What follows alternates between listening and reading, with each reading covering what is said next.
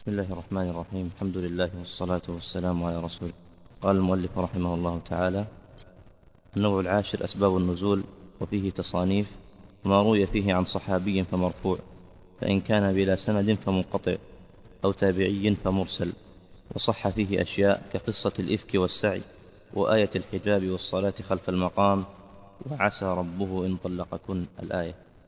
بسم الله الرحمن الرحيم. الحمد لله والصلاة والسلام على رسول الله. أما بعد فبالأمس لربما تجاوزنا هذه الأشياء دون أن أتنبه إلى التعليق عليها. ثم ذكرها الأخ بعد ذلك فلا بأس أن أعلق على ما لم يتم التعليق عليه. ثم نبدأ بما كان ينبغي أن نبدأ به هذا اليوم. أسباب النزول. سبب النزول هو ما نزلت الآية أو الآيات متحدثة عنه أيام وقوعه من واقعة أو سؤال. وهذا يخرج ما في القرآن من القصص والأخبار التي تحكي ما حصل للأمم السابقة مثلا أو حوادث متقدمة فسورة الفيل مثلا ألم ترى كيف فعل ربك بأصحاب الفيل؟ لا يقال إن سبب النزول هو مجيء أبرهة وما نزل بهؤلاء من العذاب والهلاك هذا ليس هو سبب النزول. إنما سبب النزول ما نزلت الآية أو الآيات متحدثة عنه أيام وقوعه بهذا القيد. والقرآن منه ما نزل ابتداء وهذا أكثر القرآن. ومنه ما نزل على السبب. وأما ما يتعلق بفائدة معرفة أسباب النزول فأظن أني تعرضت لها بالأمس. يقول وفيه تصانيف ذكرت جملة من المؤلفات. ليس كذلك؟ يقول ما روي فيه عن صحابي فمرفوع. سبب النزول على نوعين منه ما هو صريح ومنه ما هو غير صريح. فالصريح أن يذكر واقعة أو سؤال ثم يقول فأنزل الله كذا فأنزل الله الآية أو فنزلت الآية أو نزلت هذه الآية بسبب كذا فهذا له حكم الرفع لأن الصحابي أو الراوي يتحدث عن قضية تتعلق بنزول القرآن على النبي صلى الله عليه وسلم فهذا لا إشكال فيه أن له حكم الرفع. يبقى النوع الثاني وهو غير الصريح كقوله نزلت هذه الآية في كذا. نزلت هذه الآية في الرجل يعمل كذا وكذا. فهذا غير صريح. فمثل هذا هل له حكم الرفع؟ هذا الذي وقع فيه الخلاف. فبعضهم يدخل هذا في المرفوع وبعضهم لا يدخله فيه. باعتبار أن ذلك من قبيل التفسير من الصحابي. يعني أن هذا مما يدخل في معنى الآية أو في حكمها ولا يقصد به سبب النزول. طبعا هذا من حيث الجملة لكن قد يوجد من هذا القبيل أشياء وإن عبر بها بمثل هذه العبارة لكنها في حقيقة الأمر يراد بها سبب النزول. لكن نحن نقول العبرة بالأغلب والقواعد أغلبية ولا عبرة بما خرج عن ذلك. ومن ثم يمكن أن نقول بأن ما قيل فيه نزلت هذه الآية بكذا أن هذا ليس له حكم الرفع وأما السبب المصرح بالنزول أو ما كان من قبيل الصريح في سبب النزول فهذا له حكم الرفع طيب إذا جاء هذا من طريق الصحابي يقول هنا ما روي فيه عن صحابي فمرفوع. فإن كان بلا سند فمنقطع. كان بلا سند. بلا سند كأن يقول مثلا المصنف كالواحدي ولو أن كان الواحد يروي بالأسانيد لكن لو أنه قال قائل. سبب نزول هذه الآية كذا وكذا. بلا إسناد. نعم. فمثل هذا يقول فإن كان بلا سند فمنقطع. أو تابعي فمرسل. تابعي يعني إذا أسقط الصحابي فيكون من قبيل المرسل. وهذا بناء على اصطلاحاتهم في هذه الأشياء. ما هو المنقطع وما هو المرسل؟ فالمشهور أن المرسل مرفوع التابعي. إلى النبي صلى الله عليه وسلم. فإذا ذكر التابعي سببا لنزول الآية فهذا له حكم الرفع لكنه مرسل والمرسل من أنواع الضعيف. إلا إذا وجد ما ينجبر به. إذا قاله من دون التابعي هنا يقول فمنقطع. بمعنى أنه لو قال مثلا أبو داود أو البخاري هذه سبب نزول هذه الآية كذا مثلا. حصل كذا وكذا فنزلت الآية. يقول فمنقطع. وعلى كل حال بعضهم يسمي هذا أيضا بالمرسل.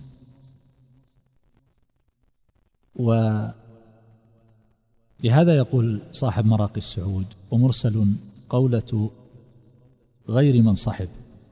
قال إمام الأعجمين والعرب فأطلق وكل من صدر منه ذلك يسميه مرسل.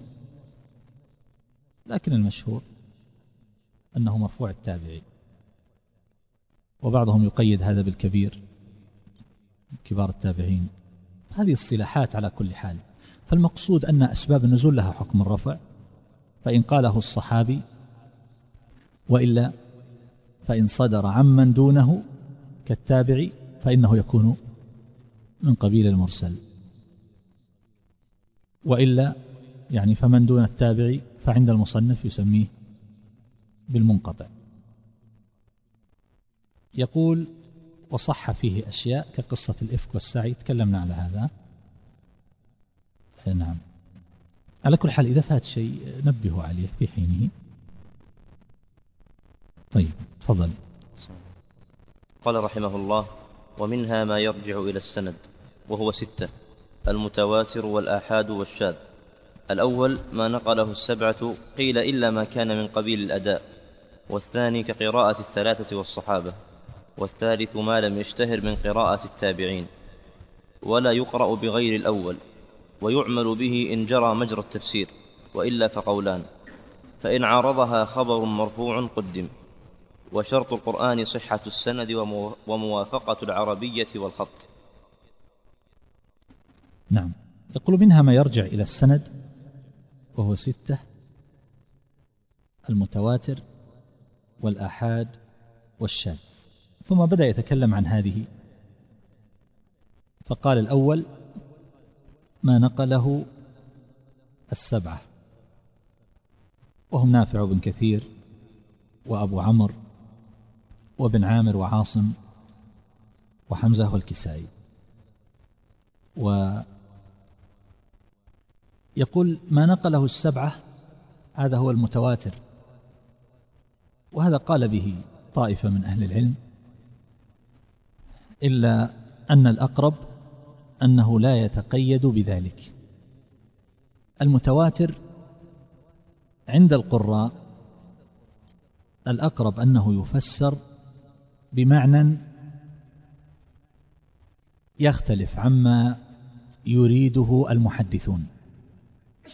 فعند المحدثين المشهور أن المتواتر ما رواه جمع عن جمع يستحيل أو تحيل العادة تواطؤهم على الكذب بكل طبقة من طبقات الإسناد وكان مستند خبر هؤلاء الحس.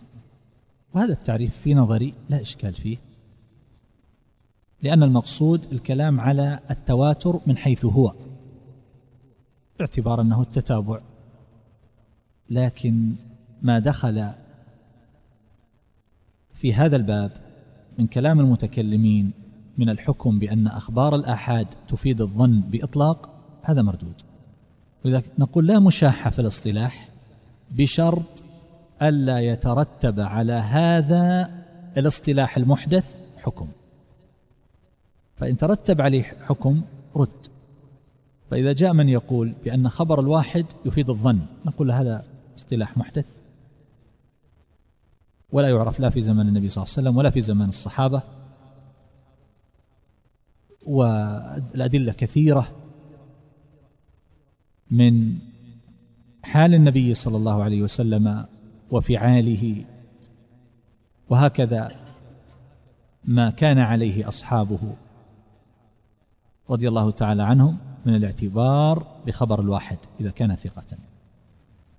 مسألة إفادة العلم بخبر الواحد هذه قضية تعتمد على معطيات معينة من عدالة النقلة وثقتهم واتصال السند والسلامة من الشذوذ والعلة القادحة في السند والمتن وما إلى ذلك. فهذه إذا وجد الإسناد الثابت الصحيح لا سيما إذا كان محتفا بالقرائن فهذا يفيد العلم.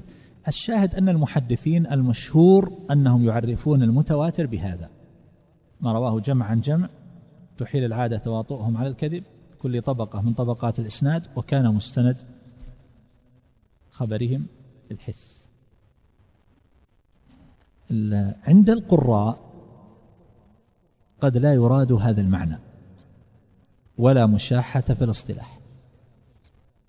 كما ذكرت لكم في كلام صاحب المراقي في معنى المرسل وفي كلام المحدثين. العراقي يقول مرفوع تابع على المشهور مرسل أو قيده بالكبير أو سقط راو منه ذو أقوال والأول الأكثر في استعمال. انظروا الفرق بين التقريرين فهذا أصولي وهذا من أهل الحديث. فهنا نفس القضية وهذه انتبهوا لها جيدا. الذي يظهر والله تعالى أعلم أن مراد القراء حينما يطلقون التواتر أو يشترطون التواتر في القراءة أنه ما اجتمع فيه ثلاثة شروط وأحيانا لك أن تقول ثلاثة أركان. هذه الأركان الثلاثة ما هي؟ صحة الإسناد ولا يشترط له التواتر الذي عند المحدثين والأمر الثاني موافقة الرسم العثماني ولو احتمالا. والأمر الثالث موافقة العربية ولو بوجه.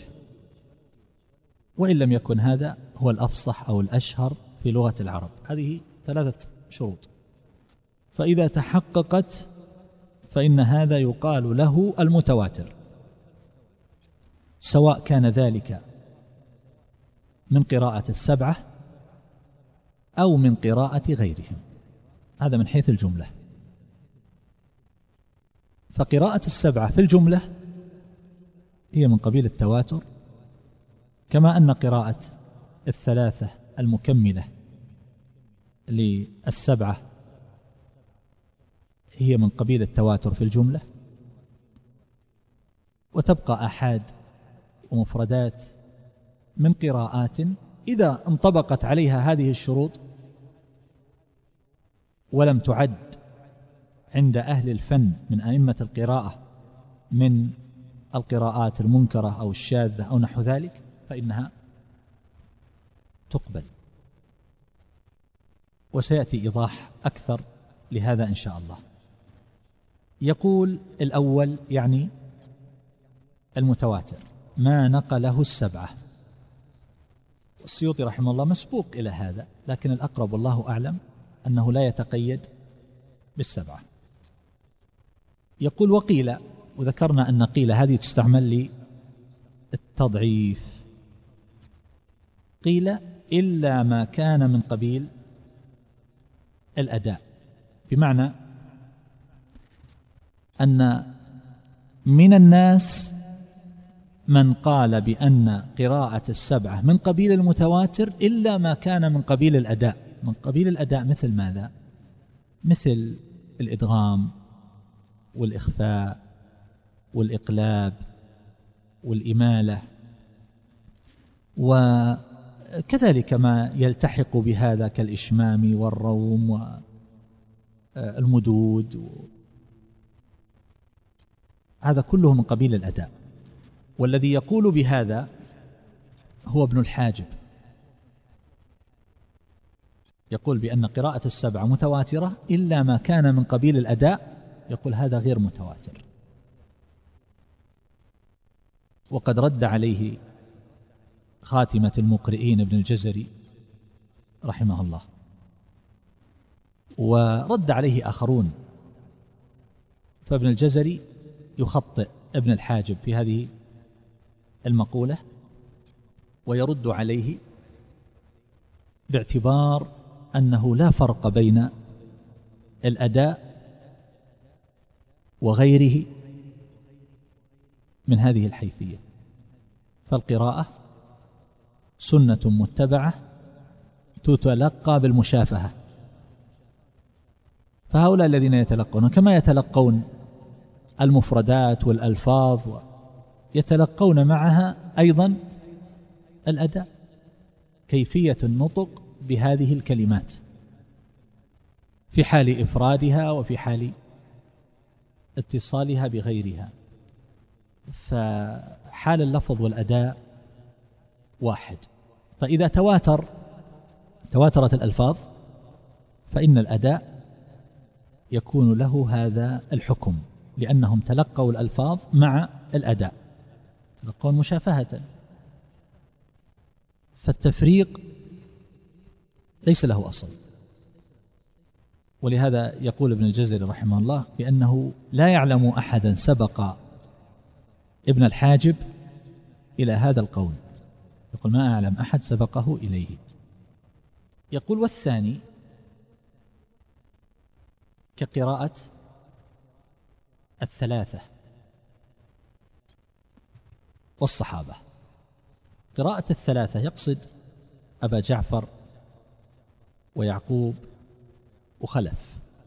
الثلاثة المكملة للسبعة وهو ما يعرف بالقراءات العشر. فيقول الثاني يعني الآحاد. وهذا وإن قال به بعض أهل العلم إلا, إلا أن الأقرب والله تعالى أعلم أن قراءة الثلاثة أيضا من حيث الجملة لها حكم التواتر فيقرأ بها في الصلاة وفي خارج الصلاة ويحكم بقرآنيتها. لكن الآحاد قراءة الأحد يقول والصحابة يمكن أن نقول المنقولات عن الصحابة رضي الله تعالى عنهم إذا صح سندها فهي من قبيل الأحد ويمكن أن ندخل في هذا أيضا ما ورد من قراءات وصح إسنادها ولكنها لا توافق الرسم العثماني. فمثل هذه يقال لها قراءة أحدية والعلماء رحمهم الله منهم من يقسم إلى هذا التقسيم الذي ذكره متواتر وأحاد وشاذ. ومنهم من يقسم إلى تقسيمات أخرى. ولذلك إذا رجعتم إلى الكتب المصنفة في الفن تجد أن العلماء يتفاوتون ويختلفون. لكن شأن هذا المختصر أن ينبه فيه على هذه المعاني. دون التطويل والتفصيل والإغراق في ذكر أقوالهم في هذا الباب فهذا يدرس في كتاب أوسع من هذا. لكن العلماء هذا مما يحتاج أن يعرفه الإنسان لم يتفقوا على تقسيمها إلى هذه الثلاثة. تواتر وأحاد وشاذ بعضهم يقسمها إلى أكثر من هذا. يقول والثالث يعني الشاذ ما لم يشتهر من قراءة التابعين. يمكن أن نقول أن الشاذ آه، هي القراءات التي لم يصح إسنادها أو القراءات التي تعد من قبيل الغلط في العربية. ليس لها وجه أصلا. وهكذا القراءات التي حكموا عليها بالغرابة أهل الاختصاص من هؤلاء الأئمة القراء. فمثل هذه يقال لها قراءة شاذة. في قوله تبارك وتعالى قال رجلان من الذين يخافون أنعم الله عليهم ادخلوا عليهم الباب. في قراءة للشعبي يقول قال رجلان من الذين يخافون. يعني الآن أصبح هؤلاء الذين قالوا هذه المقالة قال رجلان من الذين يخافون. يعني لهم هيبة لهم منزلة في بني إسرائيل لهم جانب مرهوب لهم كلمة مسموعة قال رجلان من الذين يخافون. ادخلوا عليهم الباب. هذه القراءة شاذة. على كل حال يقول ولا يقرأ بغير الأول. يقصد المتواتر. لكنه حصر المتواتر بقراءة السبعة وهذا موضع الإشكال. فإذا وسعت الدائرة فقيل من طبق عليه الشروط أو الأركان الثلاثة يقرأ به. وما عداه فإنه لا يقرأ به. ولهذا نقل بعض أهل العلم كالبغوي رحمه الله الاتفاق على القراءة بالثلاث الزائدة على السبع. وذكر أئمة هذا الشأن أئمة الكبار من المحققين كابن الجزري وأبي عمرو الداني ومكي وأبي شامة وأبي حيان كل هؤلاء قالوا بأن من طبقت عليه هذه الشروط الثلاثة فإنه يقرأ به. وأن العبرة بذلك ما لم يحكم عليه أئمة الشأن بأنه مردود لغرابته أو نحو ذلك. فهذا هو الأقرب والله تعالى أعلم. وأبو شام رحمه الله له تفاصيل بديعة. هي من أحسن ما كتب في هذا في كتابه المرشد الوجيز. وهكذا أيضا لأبي عمرو الداني كتابه في الأحرف السبعة. وابن الجزري أيضا في النشر. وفي غيره أيضا. له كلام جيد وإن كان قد رجع عن بعضه. على كل حال الكتابات في هذا الموضوع في القراءات آه، كثيرة. لكن آه، هؤلاء الأئمة تكلموا على هذه القضايا بكلام آه، جيد أجادوا فيه. يقول ولا يقرأ بغير الأول. يقصد قراءة المتواتر وحصره بالسبعة وهذا في نظر. يقول ويعمل به إن جرى مجرى التفسير. يعني في قوله تعالى وله أخ أو أخت فلكل واحد منهما السدس. هذه القراءة تفسر القراءة الأخرى. فهذا لا إشكال فيه. مثلا وكان وراءهم ملك يأخذ كل سفينة غصبا. الآن وكان وراءهم كلمة وراء هذه من الأضداد في اللغة العربية. تأتي بمعنى أمام. تقول وراءك القبر والقيامة والموت. وتقول وراءك أيضا يعني خلفك. فهي من الأضداد. ولهذا تجد أن المفسرين اختلفوا في تفسير هذه الآية من سورة الكهف. بعضهم يقول وكان وراءهم يعني كان أمامهم. وبعضهم يقول وكان وراءهم أي في طريق الرجعة. إذا رجعوا ففي طريقهم يعني أنه في الخلف. فهذا الاختلاف بسبب أن اللفظة من الأضداد. تأتي بمعنى أمام وتأتي بمعنى خلف. القراءة هذه الأخرى وكان وراءهم وكان أمامهم. كلمة أمامهم ما تحتمل الوراء. فهي تفسر القراءة المتواترة. لاحظتم؟ ملك يأخذ كل سفينة غصبا. هنا قد يرد إشكال على القراءة المتواترة هذه. يأخذ كل سفينة وكل أقوى صيغ العموم. أقوى صيغة عندنا في العموم هي لفظة كل وجميع. طيب إذا كان يأخذ كل سفينة غصبا فلماذا يخرق السفينة؟ عن الخضر. لماذا خرق؟ هي ستؤخذ. خرقت أو لم تخرق. فهذا الإشكال يزول بالقراءة الأخرى. وكان وراءهم ملك يأخذ كل سفينة صالحة. غصبا. فهو ما يأخذ السفينة المعيبة ولهذا جاء الخضر وخرق السفينة من أجل أن لا يأخذها الملك. الذين لم يفسروا بهذه القراءة ماذا قالوا؟ قالوا أراد أن يعوقهم لأن في الطريق الرجعة. الملك ينتظرهم. وسيأخذ السفينة فأراد أنه هذا تفسير بعيد. فالحاصل أن القراءة الأحادية تفسر القراءة المتواترة. يقول إن جرى ويعمل به إن جرى مجرى التفسير وإلا فقولان. وإلا يعني غير التفسير. ما الذي يكون غير التفسير؟ العمل بها. ولا لا؟ يقول ولا يقرأ بغير الأول ويعمل به إن جرى مجرى التفسير وإلا يعني إن لم يجري مجرى التفسير يعني ترتب عليه حكم فصيام ثلاثة أيام متتابعات في كفارة اليمين. متتابعات هل يجب التتابع ولا لا؟ هذا حكم الآن مو مجرد تفسير. فهل يعمل بذلك أو لا يعمل به؟ يعني هل يعمل بالقراءة غير المتواترة إذا صح سندها؟ تنزيلا لها منزلة الحديث النبوي.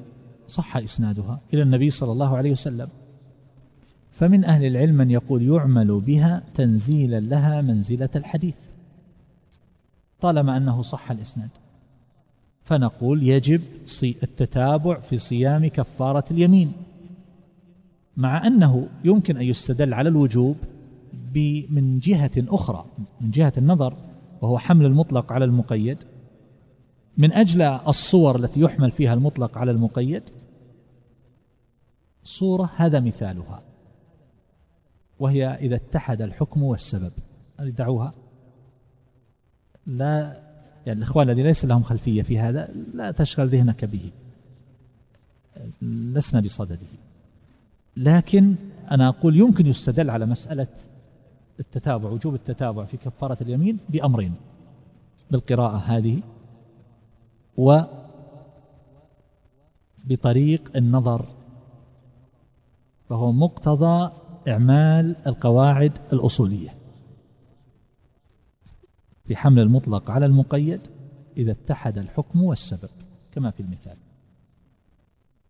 فالشاهد هنا أنه من أهل العلم من يقول يعمل بها لهذا السبب أنها تنزيلا لها منزلة الحديث النبوي طالما صح الإسناد. والقول الآخر أنه لا يعمل بها في الأحكام. لماذا وقد صح سندها؟ لماذا لا, تنزل منزلة الحديث النبوي؟ قالوا هذه ليست بحديث نبوي ثم أوردتموها على أنها قراءة. وهذه قد سقطت قرآنيتها لأنها لم تتحقق بها الشروط. فطالما أنه سقطت قرآنيتها إذا سقط اعتبارها. فلا يحتج بها. واضح الاحتجاج؟ والذي أظنه أقرب والله تعالى أعلم أن القراءة الأحادية يستفاد منها ثلاثة أشياء.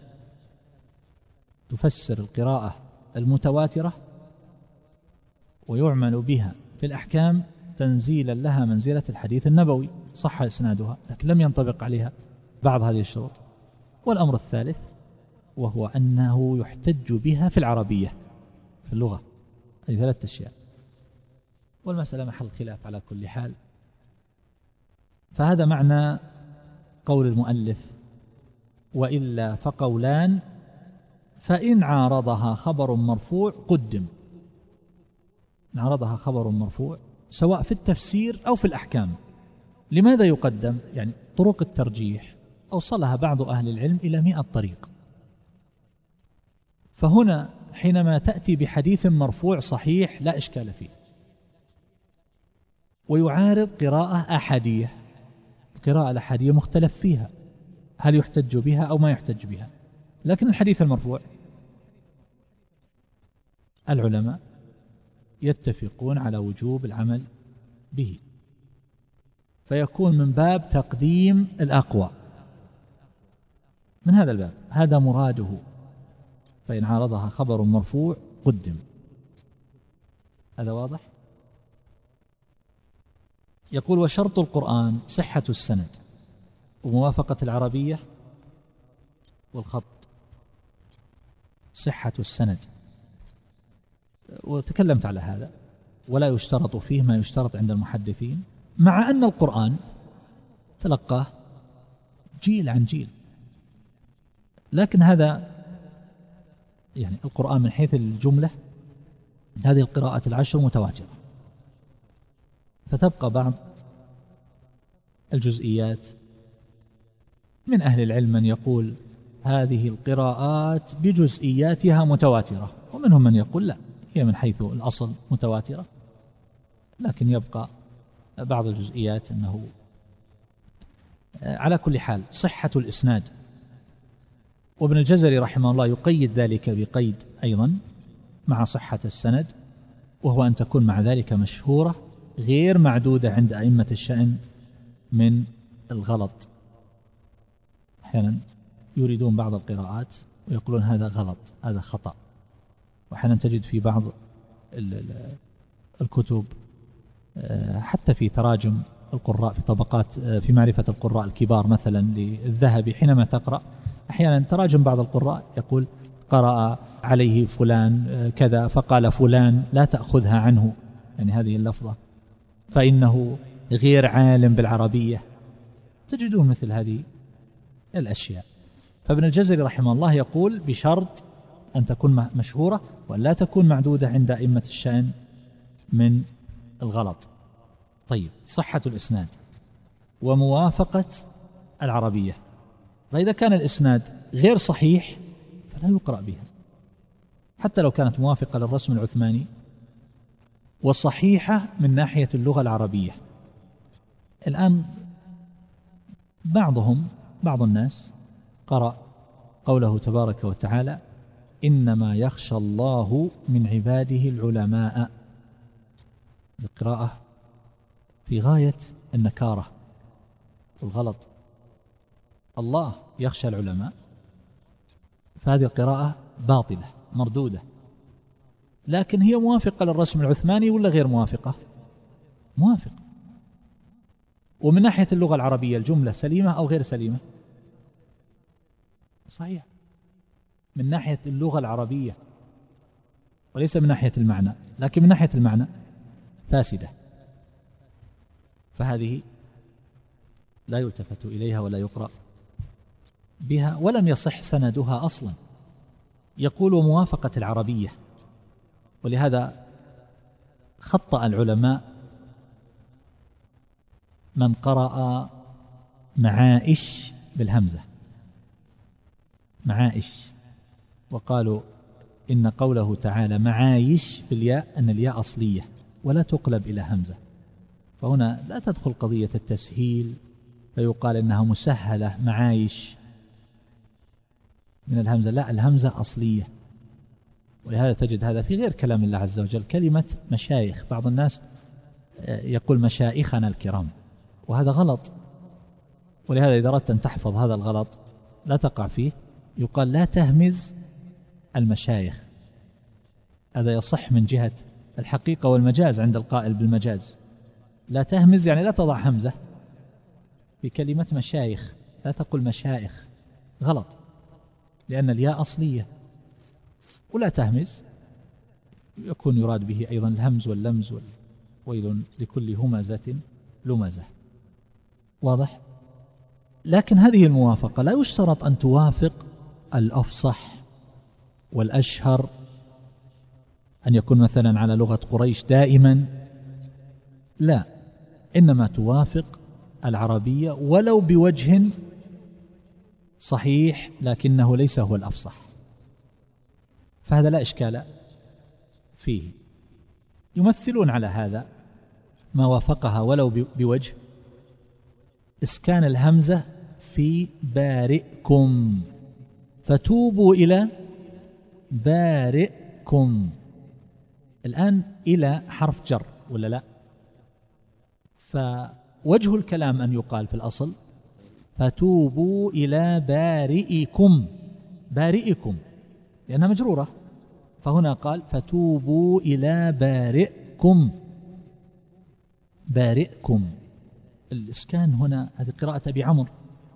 فما وجه هذه القراءة؟ مع أن هذه اللفظة لم تسبق بجازم حتى تأتي عليها السكون. بارئكم. توبوا إلى بارئكم. هكذا قرأ الجمهور. لكن هل هذه القراءة غلط؟ مع أنه لم يسبق جازم. لا هي قراءة صحيحة. فهذا وجه صحيح فصيح في العربية. أن تسكن اللفظة واضح؟ ولو لم يسبقها جازم وله شواهد في العربية. وإن أنكره بعضهم إلا أنه صحيح. لا إشكال وإن لم يكن هذا هو الأشهر والأفصح. لكنه فصيح. وهكذا في قراءة يأمركم إن الله موسى صلى الله عليه وسلم وإذ قال موسى لقومه إن الله يأمركم أن تذبحوا بقرة. يأمركم أو ولا يأمركم أن تتخذوا الملائكة والنبيين أربابا. ولا يأمركم يأمركم. الآن وين الدخول يأمركم؟ جاءت ساكنة يأمركم. هل سبقت بجازم؟ لا. هل هذا من قبيل الغلط واللحن؟ الجواب لا. هذا صحيح لكنه ليس هو الأفصح في كلام العرب. وهكذا أيضا في قراءة الجر أو الخفض في والأرحام. في صدر سورة النساء يا أيها الناس اتقوا ربكم الذي خلقكم من نفس واحدة وخلق منها زوجها وبث منهما رجالا كثيرا ونساء واتقوا الله الذي تساءلون به والأرحام. يعني اتقوا الله واتقوا الأرحام أن تقطعوها. هذا المعنى فهو مفعول به منصوب. هذا قراءة الجمهور. ولكن حمزة قرأه بالخفض أو بالجر. والأرحام اتقوا الله الذي تساءلون به والأرحام. يكون معطوف على الضمير قبله مجرور بالباء به والأرحام. يعني وبالأرحام تساءلون به تقول أسألك بالله والرحم. بعض العلماء رد هذه القراءة وقال إن هذه كيف يسأل بالله وبالرحم لا يجوز السؤال بالرحم. فهذا قسم والحلف بغير الله. لا يجوز. قال هذا ليس تقريرا للحلف بغير الله. هو يخاطبهم بهذا. يا أيها الناس فكان من عادتهم في الجاهلية أولئك الذين خطبوا بالقرآن أنه يقول أناشدك بالله وبالرحم. أسألك بالله وبالرحم. فالله خاطبهم بما كانوا يفعلونه و... فلا إشكال. فمثل هذا واضح. ولا يستدعي ما أورد عليه رد هذه القراءة الصحيحة. وهكذا أيضا كما في قراءة أبي جعفر على خلاف عنه عاصم في رواية ليجزى قوما ليجزى قوما في سورة الجاثية. ليجزى القراءة المتواترة المعروفة المشهورة التي عليها الجمهور ليجزي قوما.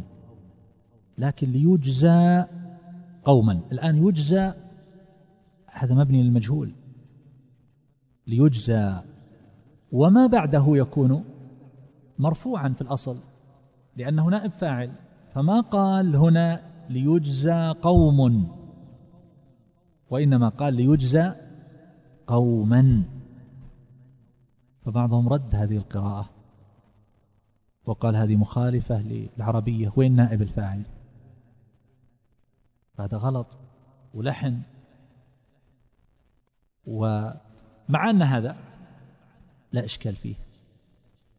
وغالبا تجد مثل هذه الأشياء متوجهة على مذهب الكوفيين. لهذا نقول من أراد أن يتعلم النحو بطريقة سهلة إذا كان يستثقل النحو ليقول أنا مذهبي كوفي. ويدرس النحو بطريقة سهلة جدا. ويمكن أن يصحح كثيرا من الأوجه التي يعدها البصريون من اللحن والغلط. على كل حال فبعضهم يوجه هذه القراءة يقول ليجزى قوما أي ليجزى هو أي الخير قوما. ليجزى قوما. وبعضهم يقول ليجزى الجزاء قوما. وبعضهم يقول آه، النائب هو الجار والمجرور ليجزى قوما بما فالكوفيون يجيزون مثل هذا. وإن منعه من منعه من النحاة وهكذا في من الأمثلة التي يذكرون لهذا الفصل بين المضاف والمضاف إليه. في قوله تبارك وتعالى وكذلك في الأنعام وكذلك زين لكثير من المشركين قتل أولادهم شركاؤهم. فمن الذين زينوا لهم قتل الأولاد؟ هم الشركاء. هذه القراءة واضحة وهي التي عليها الجمهور.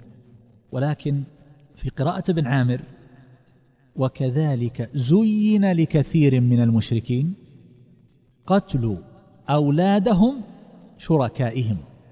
لاحظ الآن قتل ما بعده هذه مضاف. وما بعدها يفترض أنه يكون هو المضاف إليه. قتل أولادهم. لكنها جاءت هكذا. قتل أولادهم. جاءت منصوبة. إذا هذا ليس المضاف إليه لأن المضاف إليه مجرور. شركائهم. فهذا هو المضاف إليه. فكيف فصل بينها وبين المضاف؟ فعند البصريين هذا ما يصح. لكن عند الكوفيين لا إشكال. المذهب واسع. وأن هذا وجه صحيح في العربي. وعندهم شواهد على هذا. والتقدير قتل شركائهم أولادهم. لاحظ تغير المعنى الآن. يعني وكذلك زين لكثير. عاد من اللي زين لهم؟ زين لهم الشيطان زين لهم. زين لكثير من المشركين. قتل قتل إيش؟ قتل أولادهم شركائهم. يعني أن الأولاد شركاء لهم قتل شركائهم اللي هم أولادهم لأن الولد مع والده هو جزء منه فهم شركاء لهم. ولهذا رد الله عز وجل على الذين نسبوا إلى الله تبارك وتعالى الولد. فإذا كان معه ولد فمعنى ذلك أن سيكون شريكا في ملكه. قتل شركائهم أولادهم. فالأولاد شركاء للآباء. فالكوفيون وجهوها. قالوا هذا لا إشكال فيه والمعنى واضح ويختلف عن المعنى الأول الذي عليه قراءة الجمهور. وقالوا نحن نجوز التفريق بين المضاف والمضاف إليه وعندنا شواهد صحيحة في كلام العرب ولا تضيقون ما وسعه الله تبارك وتعالى. واضح؟ وهكذا.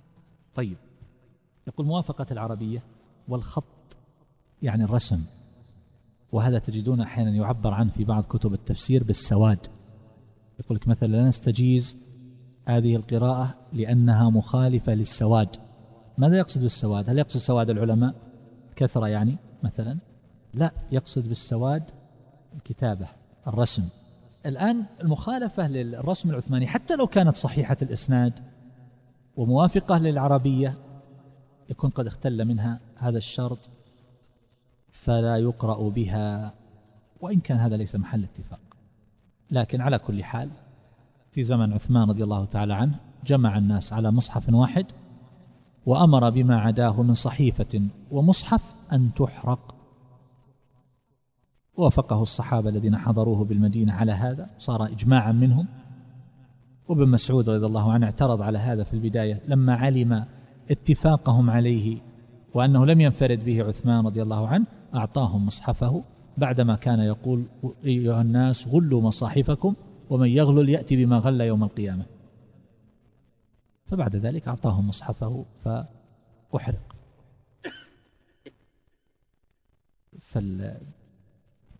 فالقراءة إذا كانت تخالف الرسم العثماني يكون قد انتفى منها هذا الشرط. فلا نقرأ بها. بطبيعة الحال قد قد تكون هذه القراءة مما نسخ. لفظه يعني في العرضة الأخيرة مثلا قد تكون هذه القراءة من القراءات التفسيرية أحيانا. يعني الصحابي أحيانا يقرأ ويفسر جملة ويظن السامع أنها من القرآن فينقلها وقد تكون من الأحرف السبعة بقية الأحرف الستة التي استغنى عنها الصحابة رضي الله تعالى عنهم حينما جمعوا القرآن على القول بأنهم جمعوه على حرف واحد وهو حرف قريش. يكون هذا بقية الأحرف الستة مما ترك مما يخالف الرسم العثماني ودخل من الأحرف الستة يعني غير حرف قريش في القراءة ما يحتمله الرسم العثماني. فصار أوجها بعد ذلك في القراءة فسمي بعد ذلك بالقراءات. الآن ما يخالف الرسم العثماني قراءة ابن مسعود رضي الله عنه وما خلق الذكر والأنثى. وهكذا قراءة ابن عباس وكان أمامهم ملك. وأحيانا تكون اللفظة تخالف الرسم العثماني في مصحف وتوافقه في مصحف آخر. في سورة براءة تجري تحتها الأنهار تجري من تحتها الأنهار.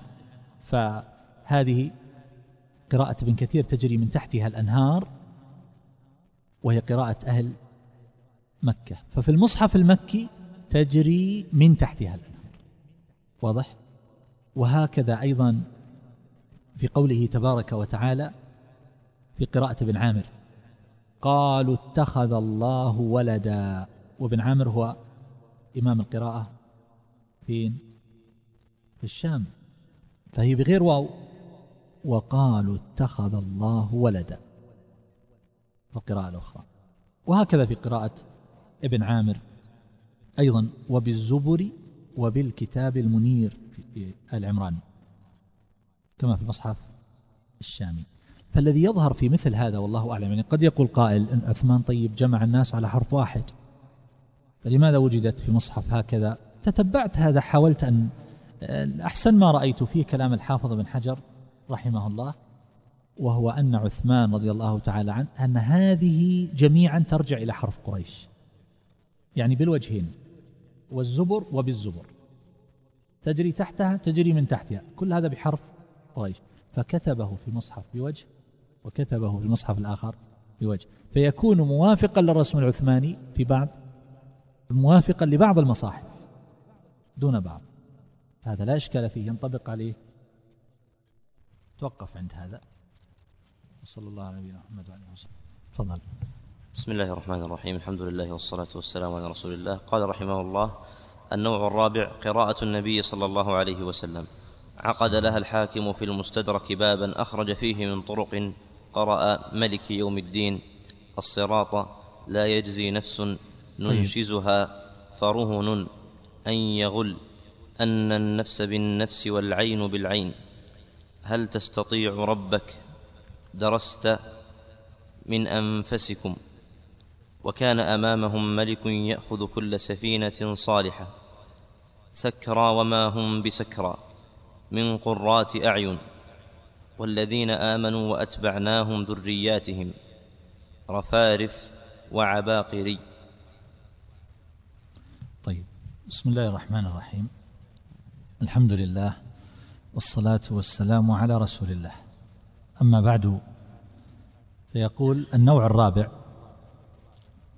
قراءة النبي صلى الله عليه وسلم. طبعا نحن نعلم أن القرآن إنما تلقي عن النبي صلى الله عليه وسلم. فجميع القرآن بجميع وجوه القراءة الثابتة إنما هو متلقى عن رسول الله صلى الله عليه وسلم. لكن المقصود هنا ما نقله بعض الصحابة رضي الله تعالى عنهم أنه سمع النبي صلى الله عليه وسلم قرأ هذه الآية فهذا مما يرويه أهل الحديث. ليس مما ينقله القراء وإن كان أيضا في كتب القراءة ينقلون مثل هذه على أنها من قبيل القراءة ما تلقوه عن شيوخهم إلى النبي صلى الله عليه وسلم. لكن المقصود أن هذا نقل عن النبي صلى الله عليه وسلم مباشرة. قل زيد بن ثابت مثلا رضي الله عنه سمعت النبي صلى الله عليه وسلم قرأ كذا. يقول أبو هريرة رضي الله عنه سمعت النبي صلى الله عليه وسلم قرأ هذا هذا المقصود بقراءة النبي صلى الله عليه وسلم وإلا فجميع القرآن كذلك. يقول قراءة النبي صلى الله عليه وسلم عقد لها الحاكم في المستدرك بابا. وهذا تجدون في المجلد الثاني من المستدرك. يقول بابا أخرج فيه من طرق. قرأ ملك يوم الدين. هذا جاء من حديث أبي هريرة رضي الله تعالى عنه. وجاء أيضا من حديث أم سلمة رضي الله تعالى عنها في إحدى الروايات. وهنا يقول ملك. ورد أيضا مالك من حديث البراء ابن عازب عند الترمذي. وعن أنس أيضا عند الترمذي. مالك يوم الدين. وكذلك أيضا عن أبي هريرة رضي الله عنه وعن الزهري رحمه الله مرسلا. وعن أم الحصين الأحمسية عند الطبراني وأسانيدها لا تخلو من ضعف. وهاتان القراءتان ملك يوم الدين كما هي قراءة الجمهور قراءة متواترة. ومالك يوم الدين أيضا قراءة متواترة. لكن المقصود ما ذكرت أن هؤلاء الصحابة رضي الله تعالى عنهم رووا ذلك عن رسول الله صلى الله عليه وسلم فميز بهذا فقط وإلا فهي قراءات متواترة. سبعية. قال الصراط يعني بالصاد من حديث أبي هريرة رضي الله تعالى عنه. فهو عند الحاكم لا يصح من جهة الإسناد لاحظوا. عند الحاكم.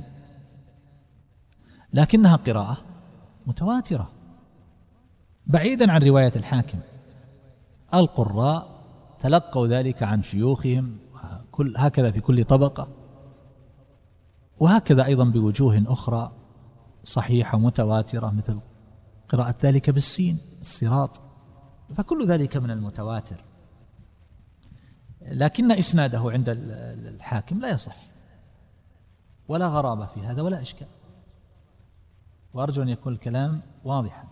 حينما نقول ضعيف الإسناد عند الحاكم هذا لا علاقة له بتصحيح القراءة. يقول لا تجزي نفس عندكم يجزي ها صلحها. لا تجزي نفس. كما في حديث ابن عباس رضي الله عنهما عن أبي ابن عباس رضي الله عنه أخذ القراءة عن أبي بن كعب. يقول أن النبي صلى الله عليه وسلم أقرأه واتقوا يوما لا تجزي نفس عن نفس شيئا بالتاء في تجزي. ولا يقبل منها شفاعة بالياء. يقول ننشزها عندكم ننشرها ها؟ صلحها ننشزها بالزاي. ننشزها. فهذا جاء عن خارجة ابن زيد عن أبيه. وهي قراءة سبعية تواترة. قرأ بها نافع بن كثير وأبو عمرو بالراء وقرأ الباقون بالزاي ننشزها. الذين قرأوا بالراء اختاروا قراءة كلها صحيحة ثابتة متواترة. ننشرها وننشزها. لكن الذين قرأوا بالراء نظروا إلى المعنى. ننشرها يعني نحييها. الذين قرأوا بالزاي قالوا العظام الإحياء يكون للإنسان بكامله وليس فقط للعظام فقرأوا ننشزها ثم نكسوها لحما. واضح؟ يقول فرهن نحن نقرأ؟ فرهان. هنا فرهن وهذه قراءة سبعية قرأ بها ابن كثير وأبو عمرو فرهن مقبوضة. وهذه عند الحاكم عن زيد بن ثابت رضي الله عنه عن النبي صلى الله عليه وسلم. وما كان لنبي أن يغل عندكم يغل لا ليست هي المرادة. وما كان لنبي أن يغل والغلول هو الأخذ من الغنيمة قبل أن تقسم. ما كان لنبي أن يغل. بعضهم يذكرون في هذا سببا. يقولون أنه فقد. شيء من الغنيمة. فقال قائل لعل رسول الله صلى الله عليه وسلم أخذها. فلو صح هذا على كل حال بصرف النظر ليس الحديث عنه. لكن وما كان لنبي أن يغل هذه قراءة متواترة. والقراءة الثانية وما كان لنبي أن يغل. معنى يغل أنه يؤخذ من مال الغنيمة دونه يعني من ورائه. دون علمه دون إذنه. وما كان لنبي أن يغل. هذه القراءة أن يغل جاءت عن ابن عباس رضي الله تعالى عنهما يرويها عن النبي صلى الله عليه وسلم. على كل حال هي قراءة سبعية. وقرأ بها ابن كثير وأبو عمرو وعاصم والباقون قرأوا يغل. لكن هذه القراءة عند الحاكم أن يغل الذهبي رحمه الله يقول عن إسنادها بأنه واهن. لا يصح بحال. والأمر كما قلت لكم. الإسناد عند الحاكم ضعيف لكن القراءة ثابتة متواترة لأنها ليس المعول في أخذها هو إسناد الحاكم إطلاقا. يقول أن النفس عدلوا عندكم إن النفس هذه المطبوعات لا يعتمد عليها في التصحيح والضبط إطلاقا. لا في هذا الكتاب ولا في غير هذا الكتاب. يقول وكتبنا عليهم فيها أن النفس بالنفس والعين بالعين. نحن كيف نقرأها؟ أن النفس بالنفس والعين بالعين. معطوفة على إيش؟ على النفس. فهذه القراءة هنا والعين بالعين جاءت مرفوعة. فهذه يرويها أنس رضي الله تعالى عنه عن النبي صلى الله عليه وسلم وهي عند أيضا الترمذي وأبي داود وأحمد بإسناد صحيح. وهي قراءة سبعية. والعين بالعين قراءة الكسائي. ولعل من أقرب وأوضح ما تخرج به من ناحية الإعرابية أن يقال هذا على الاستئناف. والعين بالعين وبعضهم يقول غير هذا على كل حال. واضح؟ هل تستطيع ربك هذا جاء عن معاذ رضي الله تعالى عنه وهو عند الترمذي والطبراني لكن إسناده لا يصح. عندهم. لكنها قراءة سبعية قراءة الكسائي. هل تستطيع ربك؟ تستطيع ربك ما معنى هل تستطيع ربك؟ يعني هل تقدر أن تسأل ربك أن ينزل علينا مائدة من السماء؟ وعلى القراءة الأخرى قراءة الجمهور التي نقرأ بها هل يستطيع ربك أن ينزل علينا مائدة من السماء؟ خرجت بعدة تخريجات وفيها إشكال معروف ولكن من أقرب هذه توجيهات أن المراد هل يفعل؟ يعني لو شكوا في قدرة الله هؤلاء هم خلاصة أصحاب المسيح عن الحواريين. فهل يشكون في قدرة الله عز وجل أن يستطيع أن ينزل مائدة من السماء؟ يعني يكفرون بهذا. إذا ما المراد؟ هل يستطيع ربك؟ هذا طبعا استطراد لكن الشيء من باب في الشيء يذكر إذا ورد إشكال لا بد هل يستطيع ربك؟ يعني هل يفعل؟ هذا من أقرب ما توجه به القراءة. يعني أنا أقول لك الآن هل تستطيع تعيرني كتابك؟ أن تستطيع أليس كذلك؟ لكن هل تفعل؟ هل تستطيع تذهب معي إلى المكان الفلاني؟ تستطيع لكن هل تفعل؟ فهل يستطيع ربك أن ينزل علينا مائدة؟ يعني هل يفعل؟ درست وكذلك نصرف الآيات وليقولوا درست. هذه فيها أكثر من قراءة متواترة لكن هنا درست هذه قراءة سبعية والحديث يرويه أبي بن كعب رضي الله عنه عن النبي صلى الله عليه وسلم وهي قراءة أهل المدينة وأهل الكوفة وليقولوا درست. يعني هذا القرآن الذي جئت به تلقيته ودرسته أخذته بالدراسة مع أنه أمي عليه الصلاة والسلام لكنهم كانوا يقولون إنما يعلمه بشر.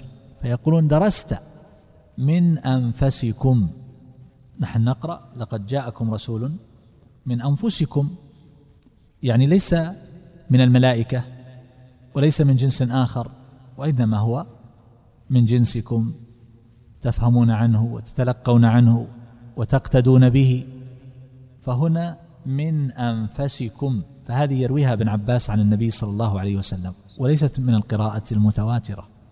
من أنفسكم يعني من أشرفكم وأعلاكم قدرا ومنزلة ومن أعظمكم حسبا ونسبا ومن أطيبكم معدنا. وكان أمامهم ملك يأخذ كل سفينة صالحة. فهذا يرويه ابن عباس رضي الله عنهما. لكن الذهبي يقول فيه هارون بن حاتم واهن سكرى وما هم بسكرى. عدلوها عندكم سكارى. سكارى هذه القراءة التي نقرأ بها. سكارى وما هم بسكارى. لكن هذه القراءة قراءة سكرى وما هم بسكرى هي قراءة سبعية. قرأ بها حمزة والكسائي. سكرى وما هم بسكرى. وهذا ثابت في الصحيحين. عن عمران بن حسين رضي الله تعالى عنه يرويه عن النبي صلى الله عليه وسلم. وهو في البخاري أيضا عن أبي سعيد الخدري. طيب. من قرات أعين. هذا يرويه أبو هريرة رضي الله عنه. فلا تعلم نفس ما أخفي لهم من قرات أعين. قراءة المعروفة المتواترة من قرة أعين. طيب والذين آمنوا وأتبعناهم ذرياتهم. عدلوا الكلمتين. كاتب هنا إيش؟ واتبعناهم وأتبعناهم كاتب ذريتهم لا ذرياتهم أتبعناهم ذرياتهم. فهذه عن علي رضي الله تعالى عنه عن النبي صلى الله عليه وسلم وهي سبعية قرأ بها أبو عمرو. رفارف وعباقري. عندكم عباقري؟ إي نعم. رفارف وعباقري. آه هذه عن أبي بكرة عند الحاكم ولكن إسناده ضعيف. رفارف هذه رأيتها مضبوطة في بعض الكتب بالتنوين رفارف وعباقري كسر القاف عباقري. مع أن التي عند الحاكم في المستدرك لا أدري هل يعني هذا من اختلاف النسخ الذي في المستدرك رفرف وعبقري كما هي القراءة المتواترة. وهنا يعزو للمستدرك يعزو للحاكم فالشاهد أن الذي في المستدرك رفرف وعبقري. وفي بعضها ضبطه هكذا. رفارف وهذا هو المعروف رفارف على وزن فواعل ممنوع من الصرف. فيكون يجر بالفتحة نيابة عن الكسرة. رفارف. على كل حال رفارف وعباقري. وفي تلخيص المستدرك رفرف وعباقري. يعني الأولى مفردة رفرف وعباقري. طيب. لكن على كل حال يوجد من قرأ بهذا بعض النحاة غير مشهور وليس من القراء قرأها هكذا رفارف وعباقري وخرجها أيضا لأن بعضهم اعترض على هذا الجمع. فعلى كل حال هذه القراءة يعني لا تثبت من جهة الإسناد أصلا وليست من المتواترة. طيب. تفضل نعم. قال رحمه الله النوع الخامس والسادس الرواة والحفاظ. اشتهر بحفظ القرآن من الصحابة عثمان وعلي وأبي وزيد وعبد الله وأبو الدرداء ومعاذ وأبو زيد الأنصاري ثم أبو هريرة وعبد الله بن عباس وعبد الله بن السائب. ومن التابعين يزيد بن القعقاع وعبد الرحمن الأعرج ومجاهد وسعيد وعكرمة وعطاء والحسن وعلقمة والأسود وزر بن حبيش وعبيدة ومسروق وإليهم ترجع السبعة نعم. النوع الخامس والسادس الرواة والحفاظ. يعني أن الرواة هو الخامس والحفاظ هو السادس. وهذا يمكن أن يجعل في نوع واحد. يقول اشتهر بحفظ القرآن من الصحابة عثمان وعلي إلى آخره. الروايات الصحابة رضي الله عنهم الذين حفظوا القرآن في عهد النبي صلى الله عليه وسلم جماعة. وحفظه بعضهم حفظه آخرون بعد وفاة النبي صلى الله عليه وسلم. هذا بالنسبة للحفظ كاملا. أما حفظ سور متفرقة أو أجزاء متفرقة من القرآن فالصحابة رضي الله تعالى عنهم كانوا يحفظون على تفاوت. فتجد السورة الواحدة يحفظها جماعة كثيرة. لكن الكلام هنا في من يحفظ القرآن كاملا. فالقرآن نقل إلينا بطريق التواتر. وأصحاب النبي صلى الله عليه وسلم كثير حج معه أكثر من مئة ألف. فالسورة الواحدة يحفظها جمع كثير ولكن الذين حفظوا القرآن كاملا في عهد النبي صلى الله عليه وسلم هم جماعة ولكن ليسوا بقدر أولئك الذين يحفظون السورة المعينة. فإن هذا أكثر بلا شك. انظروا إلى الأحاديث الواردة في هذا المعنى. في الصحيحين من حديث عبد الله بن عمرو رضي الله عنهما مرفوعا. النبي صلى الله عليه وسلم يقول خذوا القرآن من أربعة. من عبد الله بن مسعود وسالم. سالم مولى أبي حذيفة ومعاذ وأبي بن كعب. هؤلاء أربعة. وفي الصحيحين عن قتادة قال سألت أنس ابن مالك رضي الله عنه من جمع القرآن على عهد رسول الله صلى الله عليه وسلم؟ هذا سؤال صريح. فقال أربعة.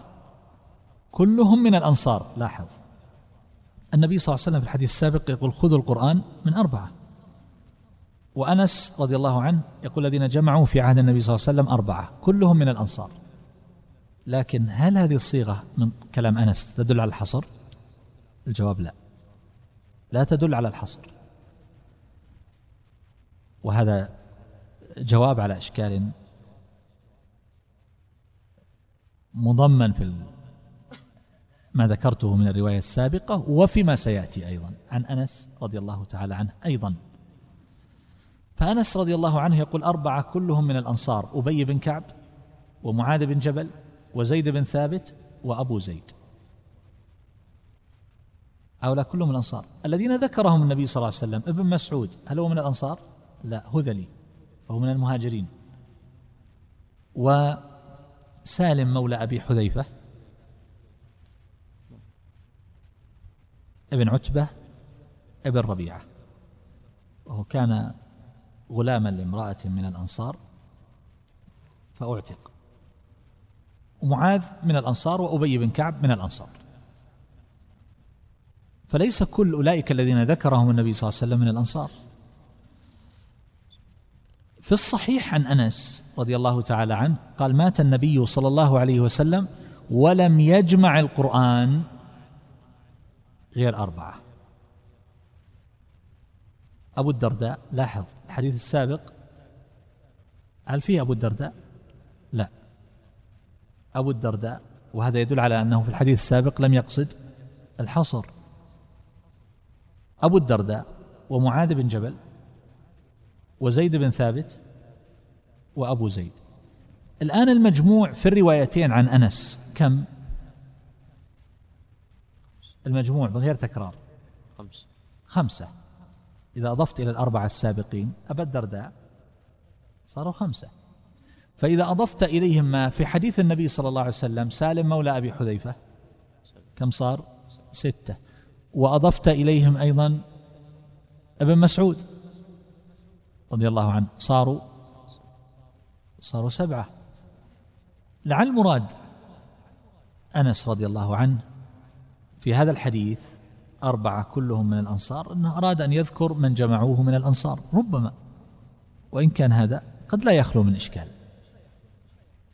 لكن يمكن أن يكون في في حينها قد ذهل لم يتذكر إلا هؤلاء لأنه في الحديث السابق ذكر أربعة وزاد هنا أبا الدرداء رضي الله تعالى عنه و وإلا فعثمان بن عفان رضي الله عنه كان من الحفاظ.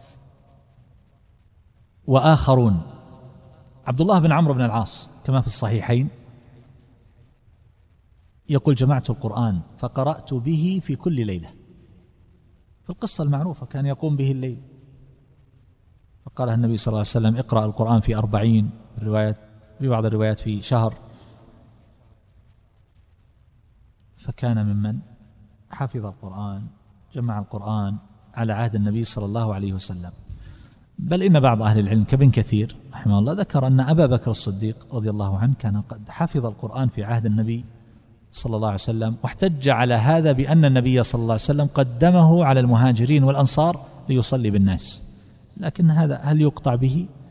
الجواب لا لأنه قدمه لربما إشارة إلى الولاية لأن أهل الولايات هم الذين يصلون بالناس كما هي السنة.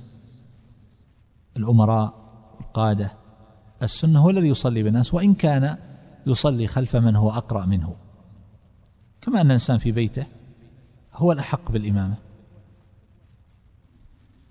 طيب. وعلى كل حال أبو هريرة رضي الله تعالى عنه وابن عباس وعبد الله بن السائب هؤلاء أخذوا عن أبي رضي الله تعالى عنهم وأرضاهم. قوله هنا عثمان وعلي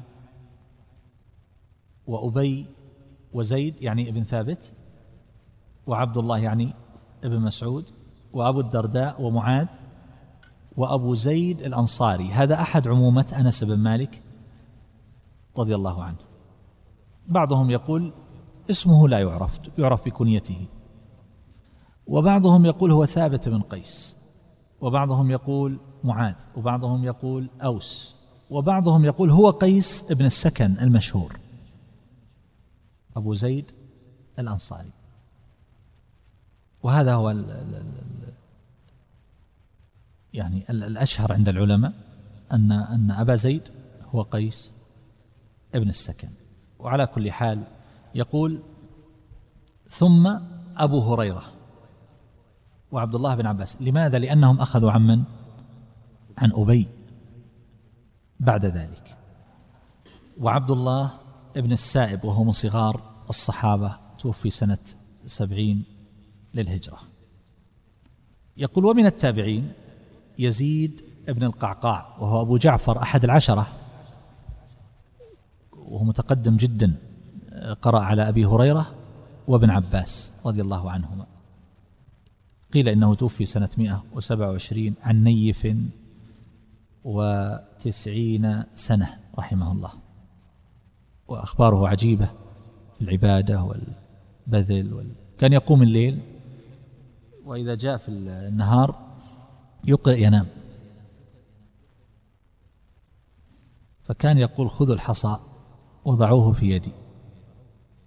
من أجل أن يتنبه ويستيقظ. ضعوا الحصى في يدي يعني ضموا يدي على الحصى. يضعون فيها حصبة حجارة ويقول ضموا يدي على الحصى. من أجل أن أتنبه ثم قال رأيت أني أنام مع ذلك. فخذوا بخصلة من لحيتي. يعني حركوا لحيتي لعلي أصحى. فلربما مر به بعضهم وقال تكلم فيه وقال هذا يعني فيه شيخ فيه غفلة أو يعني يأخذون بلحيته. يقول إن في خلق فلان شيئا يعني كأنه يعني يعيبه بهذا فيقول دعونا نقرأ خلف القبر. يذهبون إلى مكان لا يراهم حتى لا يقول عنه أنه مغفل أو كل ما مر عليه قال ما هذا الشيخ الذي رحمه الله. وعبد الرحمن الأعرج ويكنى بأبي داود المدني. أخذ القراءة أيضا عن ابن عباس وأبي هريرة رضي الله عنهما. وسافر إلى الإسكندرية وتوفي بها سنة 117 للهجرة. ومجاهد والإمام المشهور المفسر المعروف قرأ على ابن عباس وقرأ عليه ابن كثير وأبو عمرو وابن محيصن. توفى سنة 103 قد جاوز الثمانين. وهو الذي يقول عرضت القرآن على ابن عباس. في بعض الروايات يقول ثلاثين مرة. طبعا هذه عرض قراءة. وفي بعضه في بعض الروايات غير هذا. فيحمل بعض ذلك على التفسير وبعض ذلك يحمل على القراءة. طبعا مجاهد متوفى سنة 103 يقول وسعيد يعني من؟ سعيد بن جبير ابن هشام الأسدي مولاهم. قرأ على ابن عباس وقرأ عليه أبو عمرو. قتله الحجاج بواسط في شعبان سنة 95 للهجرة. يقول وعكرمة عكرمة مولى ابن عباس رحمه الله أصله من البربر مات سنة 104 للهجرة. وعطاء يعني ابن أبي رباح. أبو رباح اسمه أسلم وهو من تلاميذ ابن عباس توفي سنة 114 للهجرة. والحسن يعني البصري ابن أبي الحسن البصري. قرأ على أبي موسى الأشعري رضي الله تعالى عنه. وممن أخذ عنه أبو عمرو ابن العلاء. قرأ على الحسن. أبو عمرو بن العلاء قرأ على الحسن. الحسن رحمه الله توفي سنة 110 وعلقمة يعني ابن قيس ابن عبد الله بن مالك النخعي.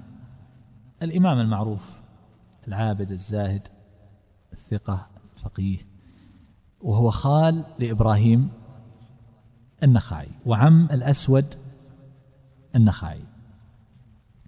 قرأ على ابن مسعود وقرأ عليه يحيى بن وثاب وغيره توفي سنة 62 للهجرة. يقول والأسود يعني ابن يزيد النخعي. قرأ على ابن مسعود وقرأ عليه ابن وثاب وغيره توفى سنة 75 للهجرة. وزر ابن حبيش ابن حباشة الأسدي الكوفي توفى سنة 82 وقد عمر يعني بلغ آه، يعني 127 سنة. وعبيدة يعني ابن عمرو السلماني المرادي أبو عمرو الكوفي توفى سنة 72 أو قبلها. يقولوا مسروق يعني ابن الأجدع ابن مالك كوفي توفى سنة 63 للهجرة وإليهم ترجع السبعة. توقف عند هذا. وصلى الله على نبينا محمد وعلى آله وصحبه. بسم الله الرحمن الرحيم. الحمد لله والصلاة والسلام على رسول الله. أما بعد فذكرت بالأمس أن العلماء من أئمة القراءة قد ضبطوا هذا القرآن ضبطا عجيبا دقيقا ثم نقلوه إلينا في غاية الدقة إلى حد يعجز الإنسان عن وصفه وأنه لا يعلم في علم من العلوم من الدقة المتناهية كتلك الدقة التي نجدها في نقل هؤلاء العلماء. وقبل أن أبدأ في درسنا هذا اليوم لعل من المناسب أن نعرض عليكم بعض النماذج والأمثلة اليسيرة التي تدل على دقتهم في النقل والضبط وعلى شدة عنايتهم بهذا القرآن. ليس الكلام في نقل ألفاظه إلينا بالروايات المختلفة بل في طريقة الأداء لأن هذا القرآن كما هو معلوم يتلقى مشافهة. معنا اليوم فضيلة الشيخ ياسر شيخ القراء عندنا في الكلية. تسمعون بعض النماذج اليسيرة التي تدل على غيرها تدل على المقصود في هذا الباب. الشيخ ياسر تفضل الله يحفظ أعوذ بالله من الشيطان الرجيم. بسم الله الرحمن الرحيم. الحمد لله والصلاة والسلام على رسول الله. وعلى آله وأصحابه وكل من والاه. وبعد. نعرض عليكم إن شاء الله بعض النماذج التي اختلف فيها القراء في طريقة الأداء. ففي العادة كان المتقدمين لهم نظام في طريقة نقل الروايات عن الأئمة الأعلام. فقد جرى من عادة الأئمة إفراد كل قارئ بختمة حتى يؤهلوا لجمع الجمع بالعشر أو أكثر أو بالسبع كما يقول العلامة ابن الجزري رحمه الله. كان في العهد الأول الطالب يلازم الشيخ ملازمة فترة من الزمان ويقرأ عليه ختمة لكل راوي. ولما فترة الهمم واشتغل الناس فأصبح الآن يجمعون الروايات في ختمة واحدة وهذه ختمة المتأخرين. فاختلفوا نعرض عليكم بعض النماذج من الأصول والفرش. فاختلفوا في البسملة. بعضهم ذكرها بين السورتين وبعضهم لم يذكرها. فمثلا عند قالون وابن كثير وعاصم والكسائي يثبتون البسملة بين كل سورتين كما نقرأ لحفص مثل قوله تعالى وأما بنعمة ربك فحدث. بسم الله الرحمن الرحيم. ألم نشرح لك صدرك؟ والأوج بين السورتين معلومة للجميع. ومن القراء من يترك البسملة أصلا بين السورتين وعنده القرآن كله كالسورة الواحدة مثل الإمام حمزة رحمه الله ابن حبيب الزيات. فيقرأ القرآن بالوصل أو إذا وصل السورتين لا يبسمل. فمثل وأما بنعمة ربك فحدث ألم نشرح لك صدرك. ويقرأ هكذا ولو أيضا سكت. وأما بنعمة ربك فحدث ألم نشرح لك صدرك. وهذا في مذهب. ومن القراء أيضا مثل ورش وأبي عمرو وابن عامر فلهم خلاف في البسملة. لهم الوصل والسكت بدون بسملة مثل ما يقرأ حمزة وقالون ومن وافقه من القراء. أحيانا يوافق حفص في أحد الأوجه وأحيانا يخالفه وإذا خالفوه يقرؤون مثلا وأما بنعمة ربك فحدث لم نشرح لك صدرك. هذه قراءة ورش. وأما بنعمة ربك فحدث ألم نشرح لك صدرك. هذه قراءة أبي عمرو وابن عمرو أيضا هذا نموذج على اختلافهم في البسملة. وأيضا اختلفوا في بعض المدود. فمنهم من يشبع المد المنفصل والمتصل إلى ست حركات مثل حمزة وورش ويقول الناظم طولى لورش وحمزة ووسطى للباقين. يعني الإشباع الطويل لحمزة ورش والتوسط للباقي. يقرأ مثلا والذين يؤمنون بما أنزل إليك وما أنزل من قبلك وبالآخرة هم يوقنون. هكذا يقرأ ورش وحمزة يوافقه في الإشباع. والذين يؤمنون بما أنزل إليك وما أنزل من قبلك وبالآخرة وبالآخرة هم يوقنون. طبعا أثناء التطبيق نراعي الأصول لكل قارئ أيضا اختلفوا في آه هذا اختلاف بعضهم في نماذج بسيطة من المدود. والباقون مثل عاصم والكسائي وأبي عمرو وابن كثير لهم التوسط. ابن كثير وأبي عمرو آه، لهم القصر في المنفصل نسبة من طريق الشاطبي. يقرؤون والذين يؤمنون بما أنزل إليك وما أنزل من قبلك وبالآخرة هم يوقنون. هكذا بالقصر. ويقرأ الباقون بالتوسط يعني بين مرتبة ورش ومرتبة آه، ابن كثير. والذين يؤمنون بما أنزل إليك وما أنزل من قبلك وبالآخرة هم يوقنون. هذا مذهب في المدود. واختلفوا أيضا في أشياء كثيرة جدا مثل الإدغام والهمز المفرد والهمز الساكن وإبداله والنقل. وما شابه ذلك. فنعطي بعض النماذج. يقرأ ابن يقرأ الإمام السوسي عن أبي عمرو البصري في مثلا مناسككم فإذا قضيتم مناسككم فاذكروا الله كذكركم آباءكم أو أشد ذكرا. فيضغم الكاف الكاف؟ وهذا انفرد بها السوسي عن أبي عمرو. أيضا في النقل نقل حركة الهمزة إلى الساكن قبلها وهذا انفرد بها ورش عن نافع رحمه الله.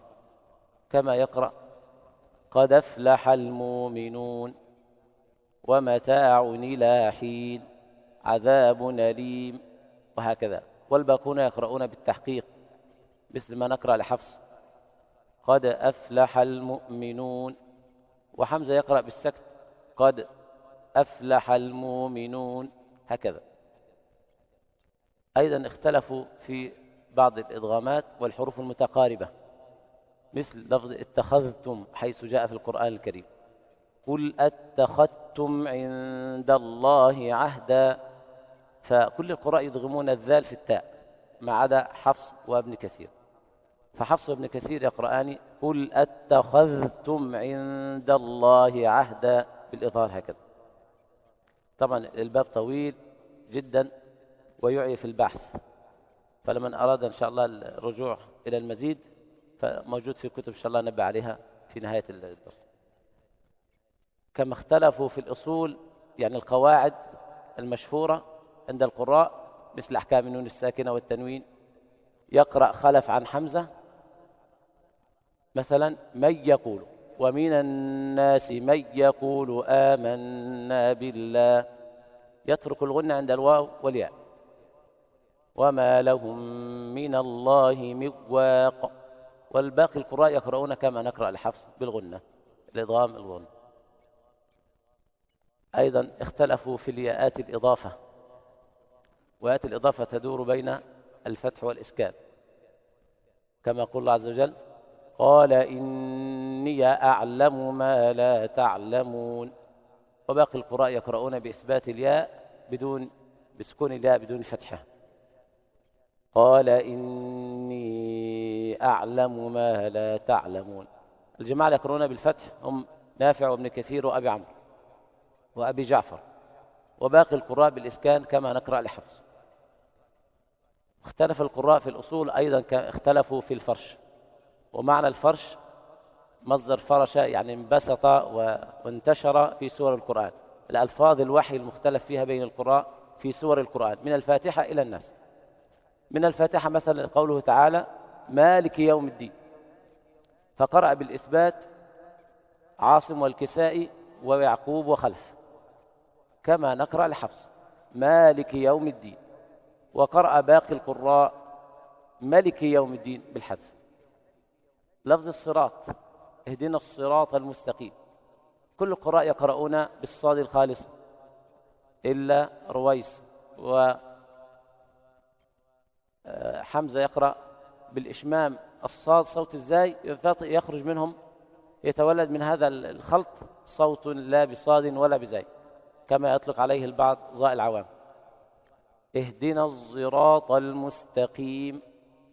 هكذا. اهدنا الصراط المستقيم. ما نخرج لساننا في الضاء. هذه ليست بضاء. اهدنا الصراط المستقيم. ورويس والبزي عن ابن كثير يقرآن اهدنا الصراط المستقيم. هكذا. أيضا في سورة البقرة قوله تعالى وما يخدعون إلا أنفسهم وما يشعرون. قرأ الكوفيون وما يخادعون إلا وما يخدعون إلا أنفسهم اللفظ الثاني. يخادعون الله والذين آمنوا وما يخدعون. فنافع وابن كثير وأبي عمرو يقرؤون وما يخادعون إلا أنفسهم. يخادعون الله والذين آمنوا وما يخادعون إلا أنفسهم وما يشعرون. هكذا. أيضا صنعت بعض النماذج التي اختلف القراء فيها اختلافا كثيرا.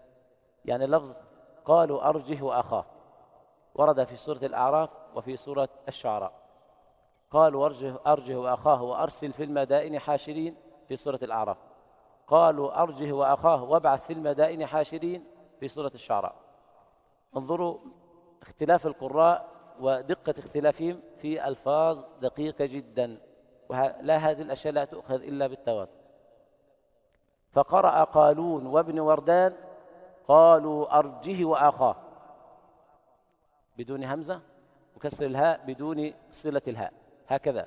قالوا أرجه وأخاه. قرأ وش والكسائي وابن جماز وخلف قالوا أرجه وأخاه. بدون همز وإشباع الهاء مع صلتها. كسر الهاء مع الصلة. أرجه وأخاه. هكذا. قرأ عاصم وحمزة بدون همز وإسكان الهاء. قالوا أرجه وأخاه. وابعث في المدائن حاشرين أو أرسل في المدائن حاشرين. قرأ ابن كثير وهشام. قالوا أرجئه وأخاه. يثبتون الهمز بين الجيم والهاء. مع ضم الهاء وصلتها بواو لفظية قالوا أرجئه وأخاه. وقرأ البصريان يعقوب الحضرمي وأبي عمرو بن العلاء البصري. قرأوا مثل قراءة ابن كثير ولكن بدون إشباع الهاء. قالوا أرجئه وأخاه. أرجئه وأخاه. هكذا. وقرأ ابن ذكوان قالوا أرجئه وأخاه. بالهمزة مع إسكانها وكسر الهاء بدون صلتها. لاحظتم الدقة في النقل؟ في قوله تعالى وقالت هيت لك اختلف أيضا القراء في لفظ هيت. فالبعض يقرأ هيت والبعض يقرأ هيت والبعض يقرأ هيت والبعض يقرأ هيت. المدنيان نفع وأبي جعفر وابن زكوان يقرآن وقالت هيت لك بكسر الهاء وياء مدية وفتح التاء. هشام عن ابن عامر أهل الشام يقرأ هئت لك بكسر الهاء وإثبات همزة ساكنة بين الهاء والتاء وفتح التاء وقالت هئت لك وورد عنه قراءة هئت لك إلا أن العلماء ضعفوا هذه الرواية. لا تقرأ من طريق الشاطبية إنما تقرأ من طريق طيبة النشر. قرأ ابن كثير هيت لك وكل واحدة لها توجيه كل قراءة لها توجيه ولها معنى. هيت فتح الهاء وضم التاء. هكذا يقرأ ابن كثير المكي رحمه الله. وقالت هيت لك. باقي القراء مثل حفص والكسائي وحمزة وعاصم يقرؤون وقالت هيت لك كما نقرأ لحفص. قوله تعالى ما ينظرون إلا صيحة واحدة وهم يخصمون قرأ ابن ذكوان وعاصم والكسائي ويعقوب وخلف وهم يخصمون كما نقرأ لحفص. وقرأ ورش وابن كثير وهشام وهم يخصمون. فتح الخاء وتشديد الصاد يخا يخصمون. وقرأ أبو جعفر وقالون في أحد وجهيه يخصمون. بإسكان الخاء وصاد مشددة. معنى ذلك أنه جمع بين الساكنين. وهم يخصمون سكن الخاء ويشدد الصاد. وقرأ أبي عمرو والوجه الثاني لقالون باختلاس فتحة الخاء وهم يخصمون وهم يخصمون. هكذا نقلت. لفظ إبراهيم وإبراهام.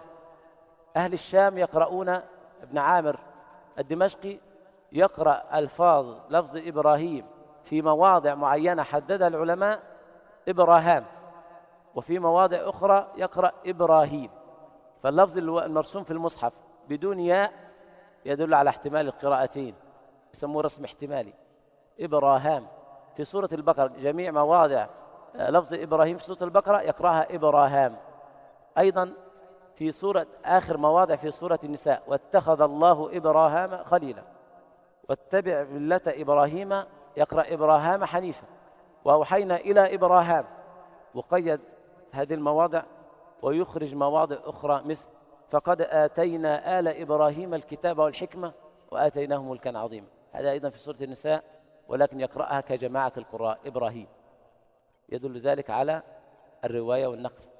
فلم يقص هذا اللفظ على غيره كما يقول الشاطبي رحمه الله وما لقياس في القراءة مدخل فدون كما فيه الرضا متنخل. أيضا يقرأ أواخر سورة التوبة. قال أخيرا توبته. وما كان استغفار إبراهيم لأبيه إلا عن موعدة وعداء يقرأ إبراهام. إن إبراهيم لأواه حليم. يقرأ إن إبراهام لأواه حليم. أيضا في سورة العنكبوت. يقرأ ولما جاءت رسلنا إبراهيم بالبشرى. يقرأ إبراهام بالبشرى. وقيده بآخر العنكبوت ليخرج الموضع الأول. وهو قوله تعالى وإبراهيم إذ قال لقومه اعبدوا الله واتقوه فيقرأ هذا اللفظ كجماعة القراء مثل حفص. انظروا إلى هذه الفروقات. طبعا لا نكتفي ونترك المجال إن شاء الله لشيخنا. جزاك الله خير. شكر الله لك. الشيخ محمد فيه إضافة أو تعليق؟ طيب. على كل حال أما في العلوم الشرعية فلا يوجد من هذه العلوم ما هو بهذه المثابة من الدقة وهذه الأوجه التي يعبر عنها الشيخ بأنها اختلاف. المقصود به اختلاف التنوع بمعنى أن هذا الاختلاف يرجع جميعا إلى الأحرف السبعة فهي من الأوجه التي نقلت عن رسول الله صلى الله عليه وسلم. فإذا كانوا ضبطوا مثل هذه الأشياء فهل يظن أن لفظة تضيع فضلا عن آية فضلا عن سورة؟ وأما في غير العلوم الشرعية فعندنا جماعة من الإخوان مجموعة من الإخوان من الأطباء من غيرهم. هل تعلمون من هذا شيء؟ دكتور مصطفى سلطان عندكم في الطب شيء من هذا؟ ها؟ العلوم بالنسبة إلى هذا تعتبر تدرس جزافا بالنسبة لهذه الدقة العجيبة.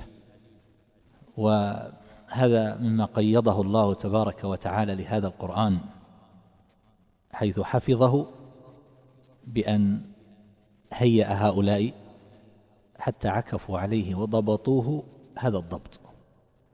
حتى إن بعضهم يكون جبلا في القراءة وقد يكون عند علماء السنة عند علماء الحديث مضاعفا. والسبب في هذا أنه جعل كل هم له وجهد منصرفا إلى القرآن. فصار في غاية الإتقان. ولذلك تجد في الغالب أن الذين يتمكنون في القراءة تجدهم في الجانب الآخر في الحديث أو في العلوم الشرعية الأخرى من الفقه و ليسوا بهذه المنزلة التي هم فيها في القراءة. والسبب أن هذا يستحوذ على الجهد والذهن ينصرف إليه انصرافا كليا في الغالب بحيث يضبط هذه الفروقات الدقيقة التي حينما يسمعها الإنسان أحيانا في قضايا تتعلق بمثل الاختلاس أو نحو ذلك قد يقول يعني أين نحن من هذا؟ والله المستعان. فأحيانا بعض الأمثلة تفيد ما لا يفيده كثير من الكلام والشرح. ولهذا أحببت أن الشيخ يسمعنا بعض ذلك. آه، نبدأ والشيخ ياسر لو تجلسون هنا على أساس التطبيقات التي سنمر بها واسمحوا لي اليوم آه، هذا أخذ منا جزء من الوقت الآن لكن أحتاج قبل فترة الاستراحة وبناء على اقتراح بعض الإخوان أن تكون الفترة الأولى أطول أن أنهي هذا الجزء المتعلق بالأداء لأنه لا يحسن قطعه. ثم بعد الاستراحة آه، نقرأ في موضوع آخر.